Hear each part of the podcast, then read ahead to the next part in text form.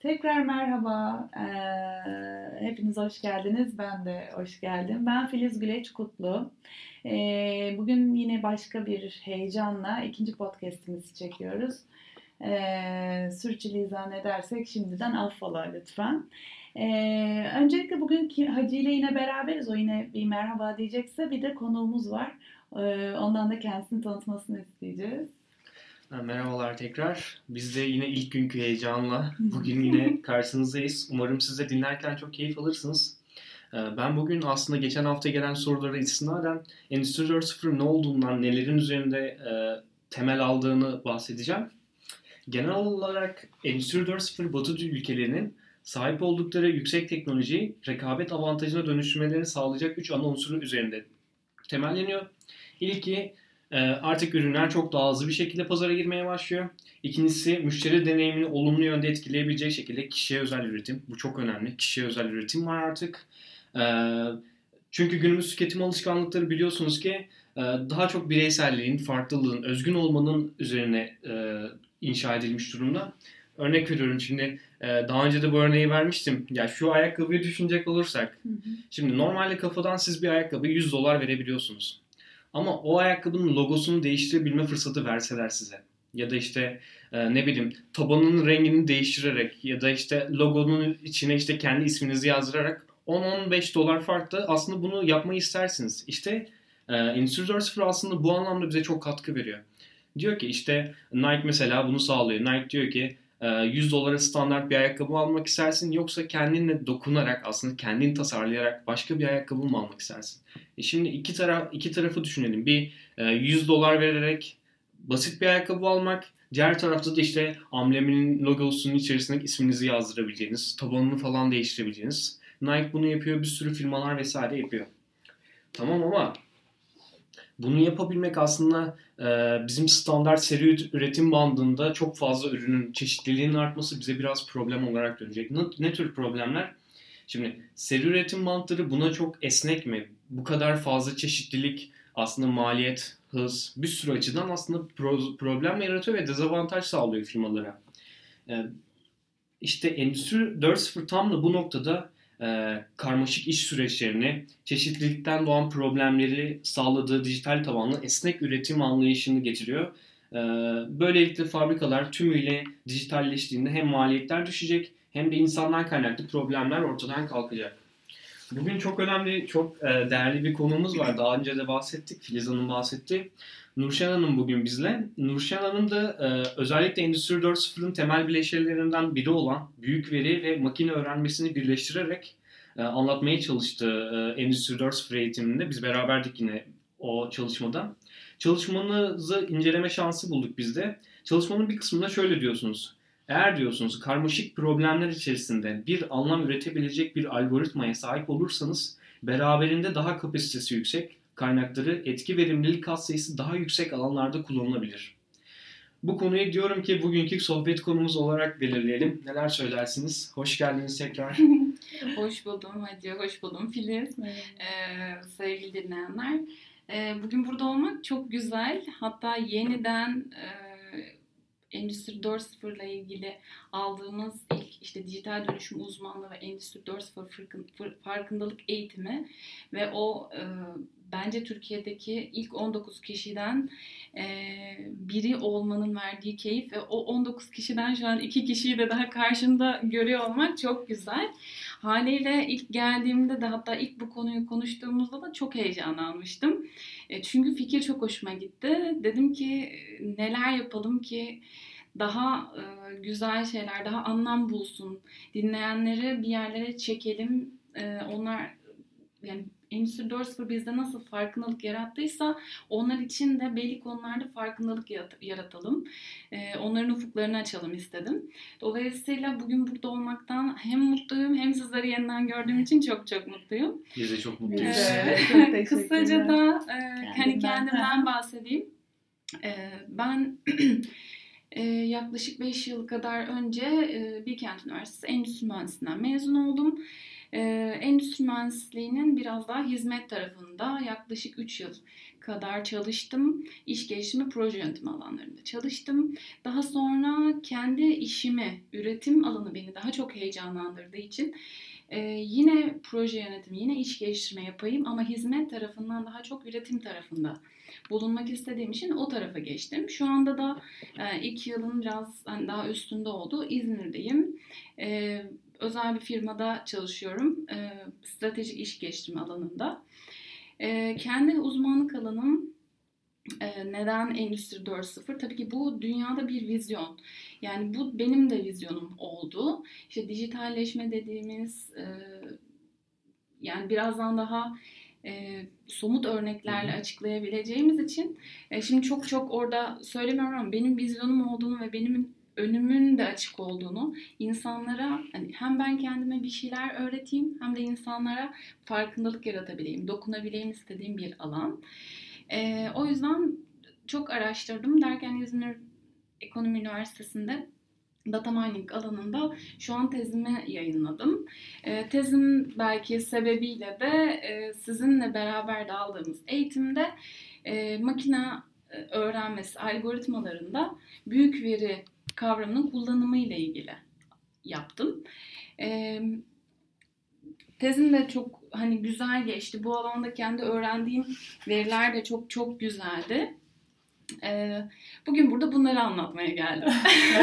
Çok teşekkür ederiz. Ayağına sağlık. Gerçekten hoş geldin. Hacı'nın e, özetlediği gibi bir Endüstri 4.0 diye bir şey var ortada. Yani bunları konuşuyoruz açıklamaya. Hız, müşteri, özellikleri vesaire falan filan diye.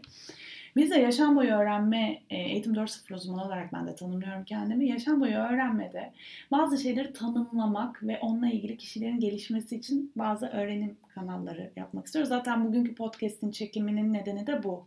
Hangi kanallarla kimlere ulaşabiliriz gibi. Ve e, bunları açıklamaya çalışırken aslında içinde bulunduğumuz dünyanın nasıl bir dünya olduğunu tanımlamak biz buna VUCA dünyası diyoruz. Yani iş dünyasında e, bu karmaşayı tanımlayan şey VUCA dünyası olarak açıklıyoruz. Bunun VUCA'nın açılımı yani volatility, uncertainty, complexity ve ambiguity olarak veriliyor. Yani ortada bir kompleks bir yapı var.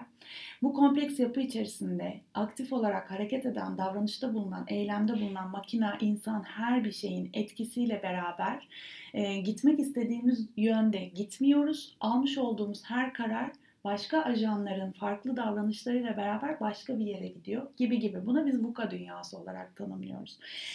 Büyük veriyi tanımlamak için de yine senin yapmış olduğun çalışmalarda vardı. Hacim, çeşitlilik, hız, doğrulama vesaire gibi. Büyük veriyi e, açıklamak ve tanımlamak bizim bu VUCA dünyasıyla ilgili karşısında kaldığımız bu dünya ile ilgili bize bir yol haritası olur mu acaba dedik Hı-hı. aslında. Yani tam olarak tüm karmaşayı tanımlamamız mümkün değil. Ama bileşenlerden biri olan büyük veriyi ve senin çalıştığın makine öğrenmesiyle birleştirip biraz hem bizim hem bizi dinleyenlerin kafasındaki ne oluyor burada sorusunun cevabı olmak istiyoruz açıkçası. O yüzden. Bize evet anlatır mısın? Yani sen ne çalıştın, ne yaptın yani aslında ödevinde? Tabii e, ödevinde yaptıklarımdan tip şöyle küçük bir e, giriş yapmak isterim. E, hem e, Hacı'nın bahsettiği işte ayakkabı örneği verdi, rekabet avantajı dedi e, işte üretim dedi, hız dedi. Hani insanların kafasında böyle bir karmaşık zaten ortam da bir karmaşık. Yani bütün kavramlar çok yeni çünkü. Hı hı. Aslında e, kavramlar zor ya da net olmadığı için değil. Kavramlar çok ve yeni olduğu için. Bizim de dolayısıyla onları anlamak için nasıl biraz önce e, Fizam sizin de söylediğiniz işte VUCA örneği oradaki gibi bize bu dönüşümde, bu e, harekette e, yol haritalarına ihtiyacımız olacak. Şimdi büyük veriye ben böyle bir alandan girdim çalışmalara. Dedim ki büyük veri evet bunun bir parçası ama e, bu karmaşıklığı yaratan belki de bilgi. Neden biz bu karmaşaya karmaşa diyoruz? Çünkü onun bir tanımı var. Çünkü o bilgiyi henüz öğrenmedik, bilmiyoruz. Bilmediğimiz için de karmaşık geliyor. Ya da yabancı geliyor. Dolayısıyla öncelikle bu verinin büyüklüğünü bir anlayayım diye işe girdim. E, dedim ki işte neymiş bu? E, baktım böyle çok sayılarla konuşmayacağım. Yani insanların da kafasını hani bulandırmak istemiyorum. İşte telebaytlar, petabaytlar vesaire diyorlar. Bunların verilerin ölçü birimi. Ee, biz peki neden bu verilere büyük veri dedik şimdiye kadarkinden farkı ne? Şu, biz şimdiye kadar örnek veriyorum işte bir şirkette ne yaparız? İşte Excel'i, ofis programlarını falan kullanıyoruz. İşte mailleşiyoruz. E bir bakıyoruz işte veri gönderiyoruz. Bir sunum hazırladınız. O veri o mailde gidiyor. Şimdi veri büyüdükçe o Excel de büyüyor. Excel'deki işte megabayt büyüklüğü arttıkça artık o maille gitmiyor. Bu birinci mesele örnek, birinci çıkarım. İkincisi şöyle artık o veri o kadar çok büyüyor ki e, Excel'lere de sığmıyor. Excel'de bir işlemle yapmayı bırakın o veri oraya sığmıyor. Sığmadığında bu büyüklüğünü ifade ediyor. Aslında büyüklük mü sadece? Büyüklük de değil. Şöyle ki e, bu verinin hızı, işte değişkenliği, e, başka ne diyebilirim? İşte verinin doğrulanması, yani anlam bulması, işte verinin değeri, değerden kastım da anlık olmasından bahsediyorum. Bir şeylerin e, nedir mesela? İşte Twitter'da e, işte dünya başkanların, ülkelerin başkanları bir konuşma yapıyor. Anında bakıyorum işte Twitter'a yüz binlerce tweet atılmış. Peki bu başkan ya da başkanın danışmanları bu tweetlerin hangilerinin olumlu, hangisinin olumsuz? Bakın sadece bir parametreden bahsediyorum. Bunun olumlu ya da olumsuz olması. Peki bu iyi niyetli mi, kötü niyetli mi? Kimden geldi? Hangi ülkeden geldi? Ne içeriyor? Acaba gizli mi? Güvenlikle ilgili bir sıkıntısı var mı? Yani aklıma şu an gelenler tamamen e, spontan konuşuyorum. Aklıma bu kadar gelen bir şeydi. Ayrıştırmak için bizim artık anlık e, çözümler üretmemiz, anlık bu karmaşayı yorumlayabilecek e, araçlar bulmamız gerekiyordu. Yoksa büyük veri aslında yeni çıkmış bir kavram değil. Bu kadar büyük veriler zaten vardı. E, siz çok güzel söylediniz. Ben hani işin e, kafalarda yarattığı problemi anlatmaya çalıştım. Neden problem olduğunu. Çok hani kısa bir şeyden de bahsetmek istiyorum. O da şu. Büyük veri kavramı aslında şu anın kavramı değil. E, yaklaşık işte 1990'lar e, civarında işte Pennsylvania University, e, Üniversiteden e, Wharton School diye bir ekonomi bölümünden bir hoca Francis X diye bir hoca olması lazım yanılmıyorsam. İşte özet bir çalışmasında ifade ediyor bu kavramı ve diyor ki işte bu öyle bir kavram ki üretim yönetimi, bilişim, istatistik, ekonometri farklı alanlarda bu verileri analiz edeceğim ve bu veri o kadar büyük ki ben bunu yorumlayacağım. Bunun için tool'lar bulmaya çalışıyor ve adına büyük demesi oradan çıkıyor. Çünkü farklı departmanlar, farklı bölümleri de ilişkilendirilebilir olduğu için. Çok güzel bir örnek. Çok teşekkür ederim. E, hep mühendisler üzerinden gittiğini düşünüyoruz ya biz bunu. İstatistikten bahsediyorsun, iktisattan evet. bahsediyorsun. Aslında hepimizi çok ilgilendiren bir şey ve illa mühendis, bilgisayar mühendisi olmamız gerekmiyor. Değil mi? Bunları evet. yaparken. Kesinlikle öyle. Farklı, farklı mesleklerde hep bunu söylemeye çalışıyoruz zaten. Farklı mesleklerde, farklı bölümlerde okuduğumuz okulun bölümünden mezun olduğumuz işleri yapmayacağız üstüne ne koyabiliriz? Sen de mesela endüstri mühendisisin ama üstüne bir sürü şeyler koydun. Ben biliyorum evet. mutlaka anlatacaksındır onlarla. Bu ayrıntıyı verdiğin için çok teşekkür ederim. Yani istatistik de olsa, sosyal bilimler de olsa biz geçen sefer de Hacı ile bunu tartışmıştık. Ee, hepimizin yapacağı bir şeyler var burada. Kesinlikle öyle. Yani aslında toplumun tamamına hitap ediyor. Burada bireysel olarak mühendislerin ya da iktisatçıların ya da istatistikçilerin değil, sosyologlara da, psikologlara da aslında birçok bölüme, birçok e, insana bir şekilde dokunacak bu. Kaya geliyor dedik. Kaya, gerçekten geliyor. ee, yani isterseniz biraz daha şey geçelim. Makine öğrenmesini geçelim. Onu da en azından e, örneklerle böyle hı hı. Bize Tabii. açıklarsanız çok hı hı. mutlu oluruz. E, makine öğrenmesi hani niye makineden geliyor e, o kısma geleceğim. E, o yüzden de akıllarda soru işareti yine bırakmamak için ben kendim de hani e, endüstri mühendisi olduğum için biraz endüstride senin verdiğin örnekle bir e, bağdaşlaştırmak istiyorum. Çünkü neden buna işte Endüstri 4.0'ın bir bileşini demişler. Bundan öncesinde işte otomasyon sistemleri varken Endüstri 3.0'da ya da elektrik daha yeni keşfedilmiş, elektrikli akan sistemler yeni kurulmaya başlamış işte daha geçmişe gidiyorum işte Endüstri 2.0 denmiş. Hani bugün Endüstri 4.0 olduğunda niye veriyi konuşuyor olduk. Evet verinin artışı bunu bir sebep. Biraz önce söylediğim gibi büyük veri olması. Her yerde işte sosyal medyada, dışarıda e, bugün dünya üzerinde yaklaşık 7 işte 7,5-8 milyar insan olduğunu düşünürsek Kevin Kelly'nin bir kitabında okumuştum. Bu arada hani öneririm de kitabı Dijital Dönüşüm ve Liderlik Etmekle ilgili bir kitap. Ve e, bu kitapta e, yaklaşık dünya üzerinde anlık bir dakika içerisinde e, 3,5 milyar telefon ve bilgisayar sadece üzerinden veri attığını söylemişti. Şimdi bu akıllar canlanmayabilir ama bu bugün biraz önce işte başkan örneği verdim. Birisi geliyor, konuşuyor. Sadece orası değil, bütün dünya uyanıyor bununla. Ve bütün dünya paylaşmayı istiyor. Çünkü bütün dünya endüstri işte birden üçe kadar bu kadar çok paylaşmayı istemiyordu. Yani istemiyor değil belki de işte aracı yoktu işte konuş ya belki de Ya açmak istemiyordu. Bu kadar çok erişim yoktu. Bugün yani istediğimiz her şeyin uygulaması var. Bugün istediğimiz her yerde kaynak buluyoruz. Hatta program başlamadan önce konuşuyorduk hatırlar mısın? Biz en son ne zaman gazete almıştık diye. Çünkü yani ben gün içinde iş başlamadan işe bir yarım saat önce gelip online gazetelere bakıyorum. İnan ki bitmiyor zaten yarım saatte. Çünkü veri her yerde. Dolayısıyla herkes de paylaşıyor ve paylaşmak istiyor. Veri bu kadar yüksekken ben şimdi sen makine öğrenmesi diye geldin hemen bağlayayım. Neden buraya geldim? Makine öğrenmesi bir makine, şimdi bir cihaz değil mi yani somut bir şey yani insan değil, duyguları yok. Dolayısıyla içine e, belli bir takım hani algoritmalar koyabilirsin ama içine asıl koyduğun şey veri. Zaten var olan bir veri. Geçmişten de gelebilir yani kendi de öğrenebilir. O konuları biraz daha teknik, biraz daha ileride gireceğim ama kendi de öğrenebilir. Geçmişte kendi yaptıkları işlemlerden ya da ben sisteme bir şey yüklerim. Sistem dediğim makinenin arka yüzün arka yüzünde kullanılan işte bir yazılım aracı, bilgi toplayan bir araç düşünelim. Buraya veriyi ben de koyabilirim. Dolayısıyla e, makine öğrenmesi denilen şey bu veriyle ilişkilendirme olayı buradan geliyor.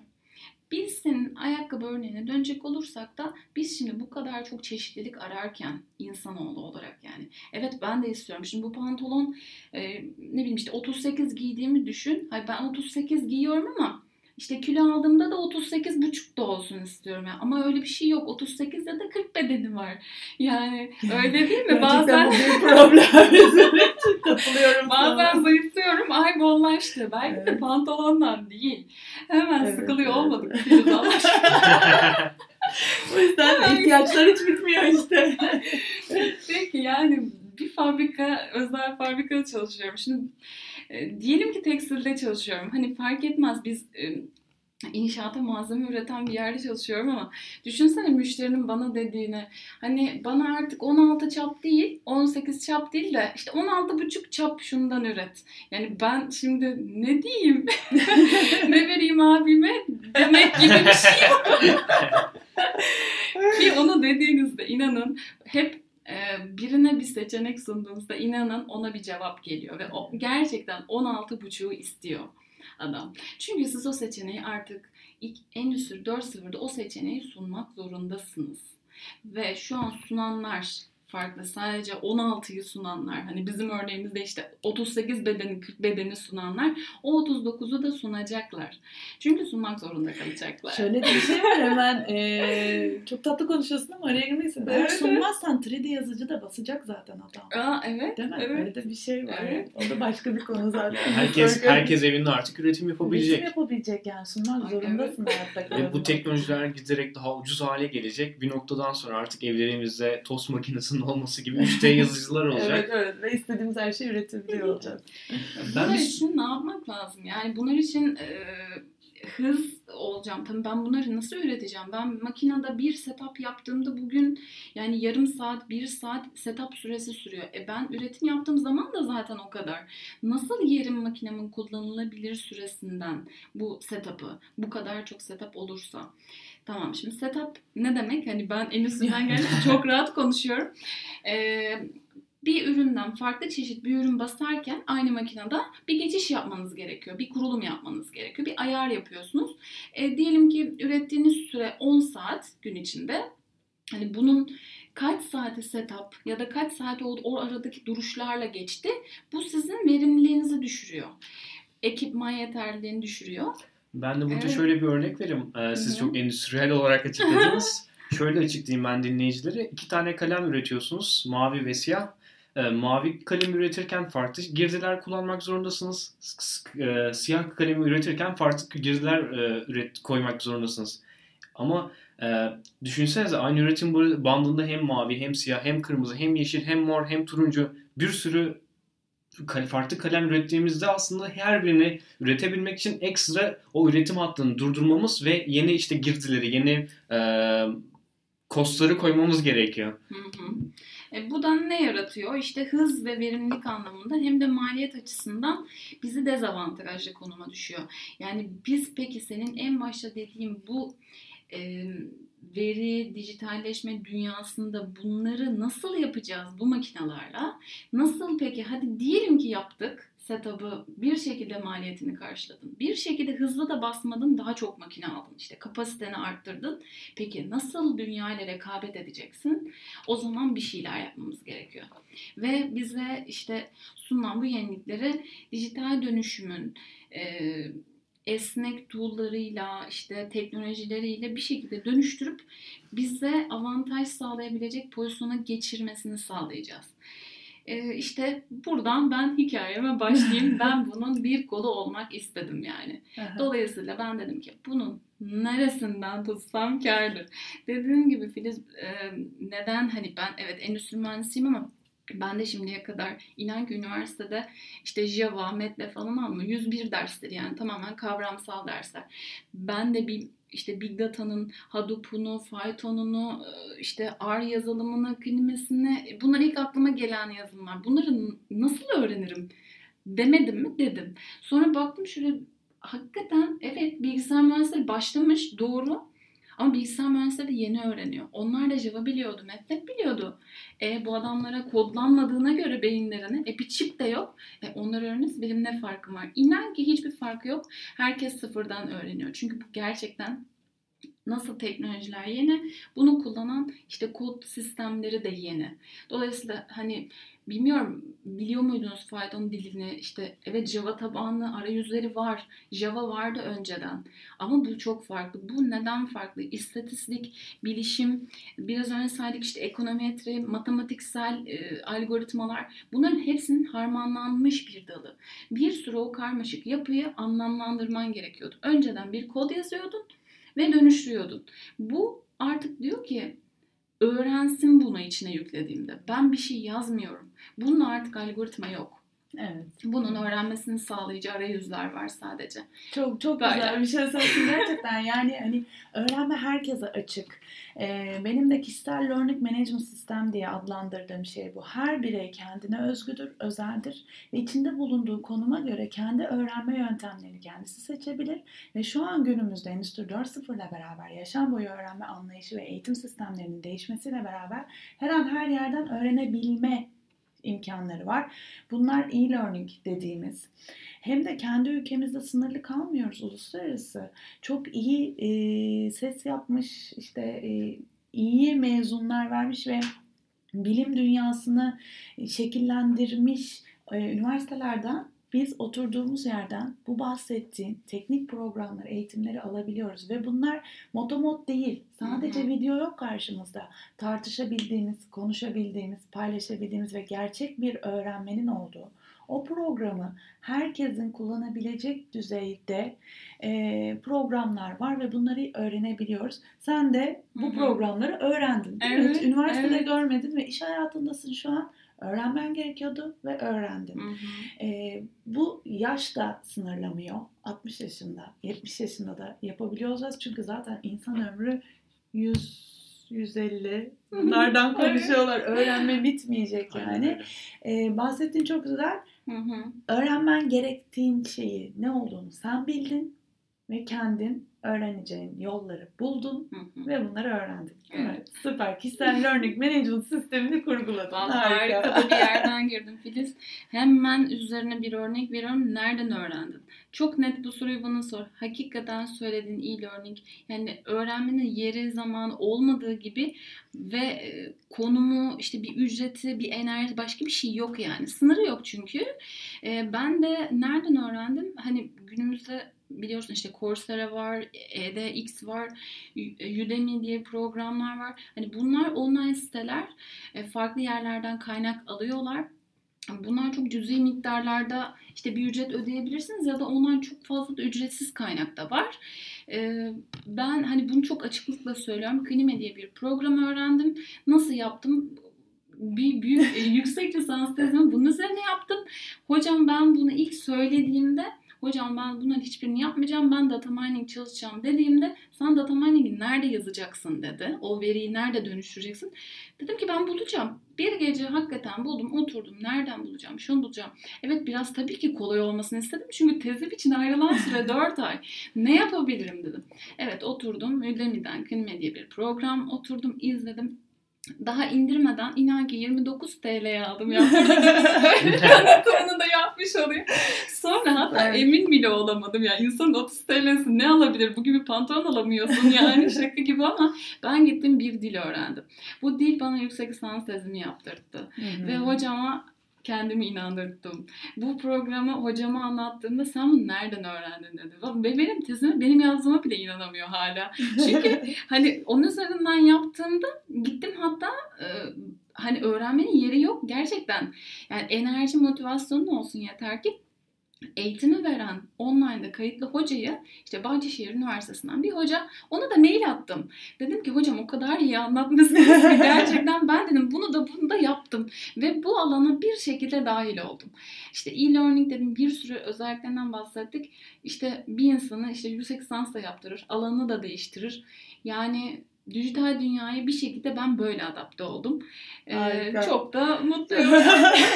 çok teşekkür ederim. Paylaşımların çok çok kıymetli. Tam olarak bahsetmek istediğim ve e, teorik olarak anlatıyoruz ya biz insanlara ama birebir yaşanmış örneğini e, ile şu an konuşuyor olmak Evet. beni çok daha mutlu ediyor. Çok teşekkür ederim paylaşımların için.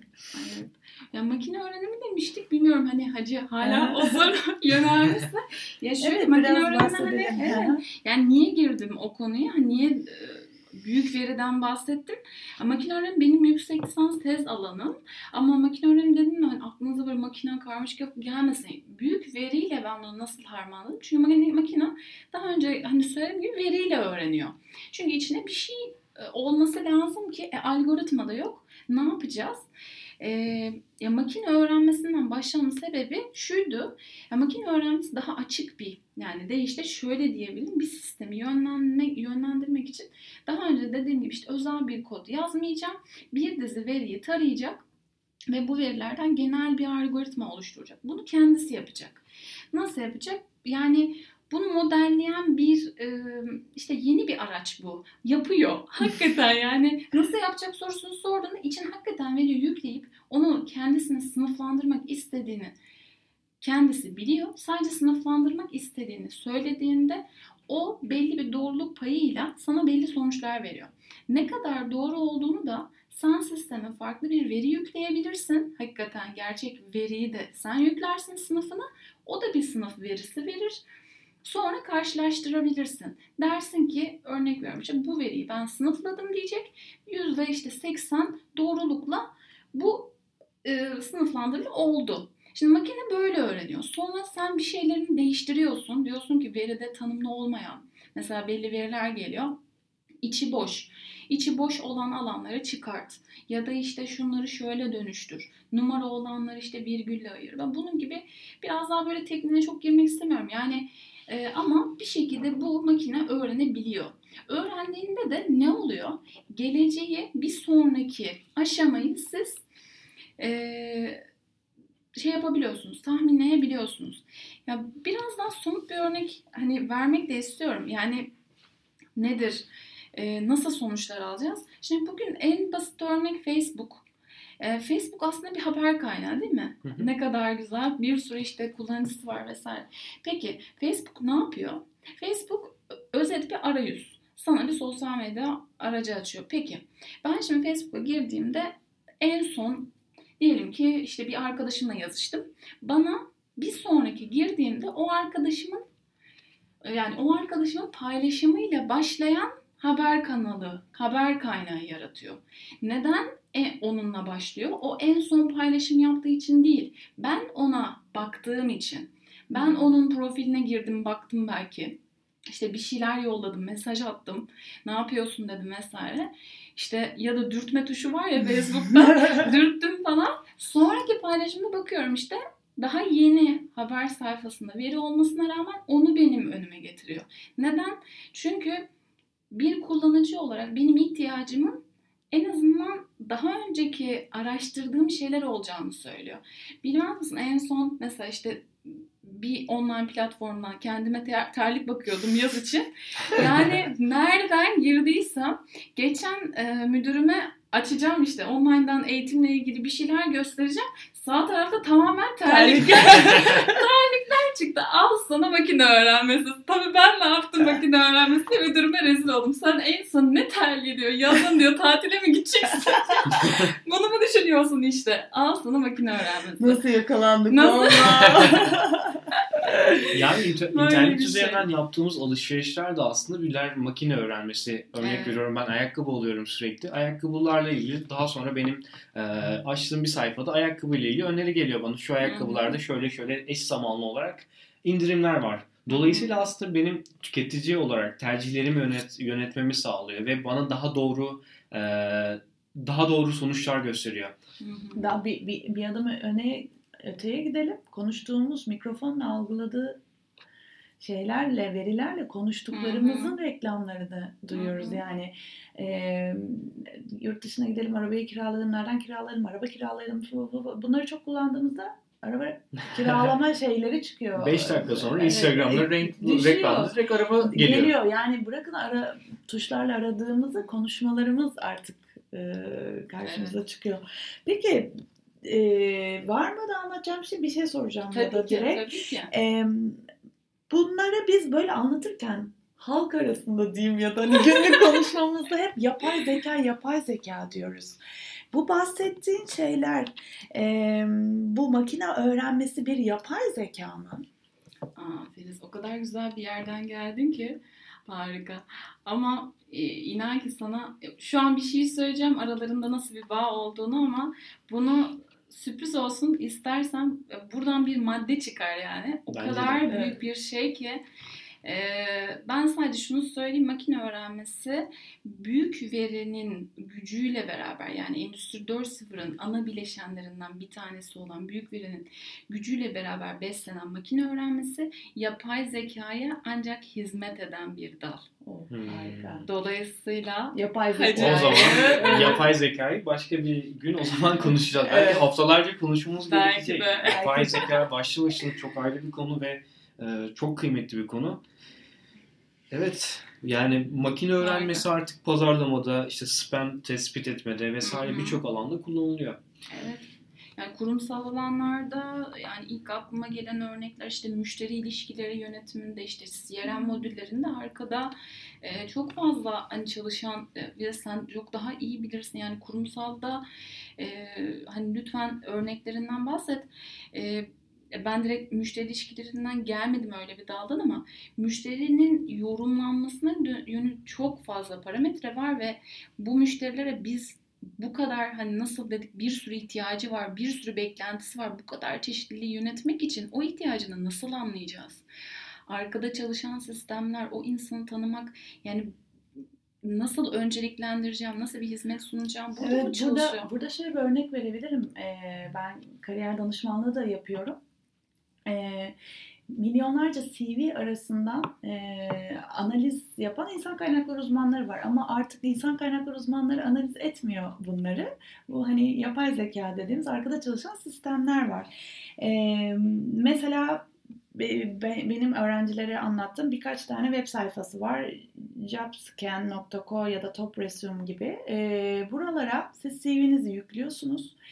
İşin özellikleriyle ilgili tanımlamaları da yüklüyorsunuz. Sizin CV'nizle bu iş birbirini tutuyor mu? Karşınızda makine size bunların sonucunu veriyor.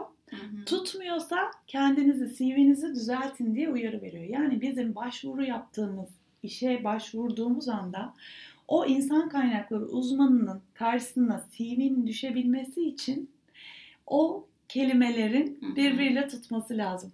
Ve İK uzmanları da bunları ararken bahsettiğin algoritmaları onlar yazıyorlar değil mi? Ya da bu, yani bu programı yazan kişiler. Orada işe alacakları kişileri, müşterilerin analizlerinin yapılması vesaire bunların hepsi bu bahsettiğin şey değil mi? Şunları benim karşıma getir, bunları getirme, ele. Bu CV'ler içinde Hı-hı. Aynı şekilde geçerli. Ee, o nedenle insan olarak biz hep bu, bunu da biraz hep tartışırız. Yani ne kadar etik? Yani kişinin kağıtta yazdıkları dışında bir varlıktır hı hı. ve yetkinlikleri vardır. Sen endüstri mühendisisin ama bir yazılımı uzaktan öğrenmişsin ve bu senin ne kadar gelişime ve öğrenmeye açık biri olduğunu gösterir o İK uzmanı senin gibi birini kaçırabilir bu yazılımdan dolayı. Hı hı. Ya bunlar biraz aslında hani beyin yakmak diyoruz ya yani biraz buraları da götürüyor bizi etik konusuna götürüyor. Ee, nereye kadar insan, nereye kadar yapay zeka, nereye kadar doğru istatistikler buralara götürüyor. Aslında biraz ondan bahseder misin bana? Hani bu yapay zeka ya da maki, yapay zekaya başka zaman gideceğiz ama geçiyorum. Makine öğrenmesiyle ilgili ne düşünüyorsun özet olarak? Ee, yani toparlamak, bu, toparlamak gerekirse. gerekirse yani bu anlattığımız ve konuştuğumuz durumlarda korkmalı mıyız, korkmamalı mıyız? korkma kısmı çok daha farklı kavram ama evet, lütfen ona kesinlikle cevap vereceğim. Ama buna çok politik bir cevap korkabileceğimiz e, senin de hani alanın hani yetkinlik ve yetenekler var doğru yetkinlik bazında korkmayalım ama bir ama ve virgül koymak istiyorum çünkü neden? Çünkü biz insan olarak Onlara o veriyi sağlayacak olan da biziz.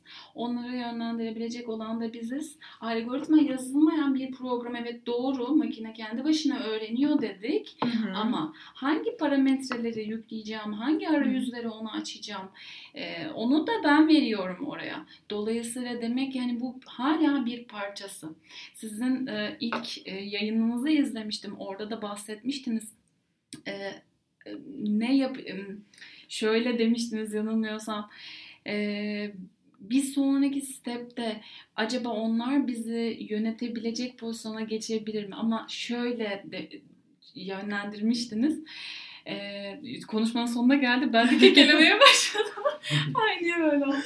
Şöyle e, Topar, toparla, toparla, toparla özetle dedik ya o yüzden burada kestik seni. Evet lütfen bu kısmı keselim özellikle söylüyorum. Ee, şöyle demiştiniz aslında biz hani insan olarak her ne kadar yapay zeka bir şeyleri yapacak olsa da bunları yine dönüştürecek olan, bu verileri içine yükleyecek olan, bu sistemleri bir şekilde yönetecek olan e, nasıl diyeyim light, light out fabrikalar varsa bile o ışık açılacak ya da kapanacak. Yani light out, light in diye bir şey olacak yani. Light out'ı tanımlayabilmem için. Yani bu örnek olarak aklınızda bulunsun. Evet. Senin soruna tekrar dön, dönecek olursam yetkinlik olarak evet biz insan olarak kendimizi geliştirmemiz lazım. Çünkü yine insan olarak ihtiyaçlarımız çok çeşitleniyor bu ihtiyaçları işte üretmek, dönüştürmek, yeni inovatif fikirlerle ve projelerle desteklemek gerekiyor. Kendi ihtiyaçlarımıza yine kendimizin cevap verebileceği Kesinlikle. ve teknolojinin işte dijitalleşmenin de bunu hizmet edebilecek şekilde de dönüştürülmesini sağlayacağız. Ee, ben hani nasıl sonlandırayım? Makine öğrenmesi dedik, işte big data dedik. Ee, yani şöyle bir şey diyebilirim makine öğrenmesi için bu bir kod yazmak yerine genel bir algoritma içerisinde beslenerek verilere dayanarak kendi mantığını oluşturan daha çok büyük veriyle ilgilenen çünkü küçük veriler öğrenmeyi sağlamak için doğruluk payını yükseltmek için yeterli değil. Daha fazla veri yüklediğimizde ya da makinenin daha uzun vadede öğrenmesini sağladığımızda doğruluk oranı artacaktır. Dolayısıyla büyük veriyle ilişkisi de budur Ee, çok çok teknik şeylere girmek istemiyorum ama öğrenilmesi de çok çok kolaydır. Daha çok istek, motivasyon, eninde sonunda insanız yine dönüştürecek olan biziz. Sen sonra cevap vermiş olayım. Hiçbir şekilde korkmayacağız. Bu dünya bizim yani. Hiç kimseye de kalmaz. Çok teşekkür ederim. Hakikaten öğrenme öğrenme diyorum. Makinayı bile öğrenmeyle tanımlıyoruz. Ben burada bunu aslında vurgulamak da istiyorum biraz. Makine öğrenebiliyor mu? Evet. Ve hatta senin çalışmalarında deney, denetimli öğrenme, denetimsiz öğrenme vesaire gibi hakikaten az önce bahsettiğim gibi verinin büyüklüğüne ve küçüklüğüne göre öğrenme gerçekleşiyor ama ee, şöyle bir şey duymuştum yine dinlediğim podcastlerden birinde. Ee, şey diyordu. Bir makineye e, algoritmaları yine insan giriyor ve o girdikleri dışında yeni bir şey yaratamıyor makina. Evet, büyük, bizim analiz edebileceğimizden daha büyük verileri analiz edebiliyor, bir sonuç çıkarabiliyor bir insanın çıkaramayacağından. Ama e, insanın hikayeleştirme becerileri nedeniyle hiçbir makinenin hala insan yaratıcılığına ulaşamayacağını söylüyorlar. Hı hı. E, bu öğrenme aslında makine öğrenmesi diyoruz ama insan öğrenmesi ve çok insana özgü bir şey. Hı. E, ve bu hayatta kalabilmek ve tutunabilmek ve insanın devamlılığının sağlanması da e, bunca milyonlarca yıldır olduysa Endüstri 4.0'da da e, gelecek yakında ya da şu anda yani e, mutlaka gerçekleşecek ve insan olarak çok çok daha güzel şeyler yaratacağımıza inanıyorum. Benim de söyleyeceklerim bu kadar. Nurşan çok teşekkür ederiz. Seni teşekkür gene burada görmek istiyoruz en kısa zamanda. E, yapay zekayı konuşabiliriz ama bu konuş konuş bitmeyecek bir yapı. Hadi sen ne söylemek istersin? Bence öncelikle Nurşan Hanım'a çok teşekkür etmek istiyoruz. Gerçekten ufkumuzu açtı bizim çok, de.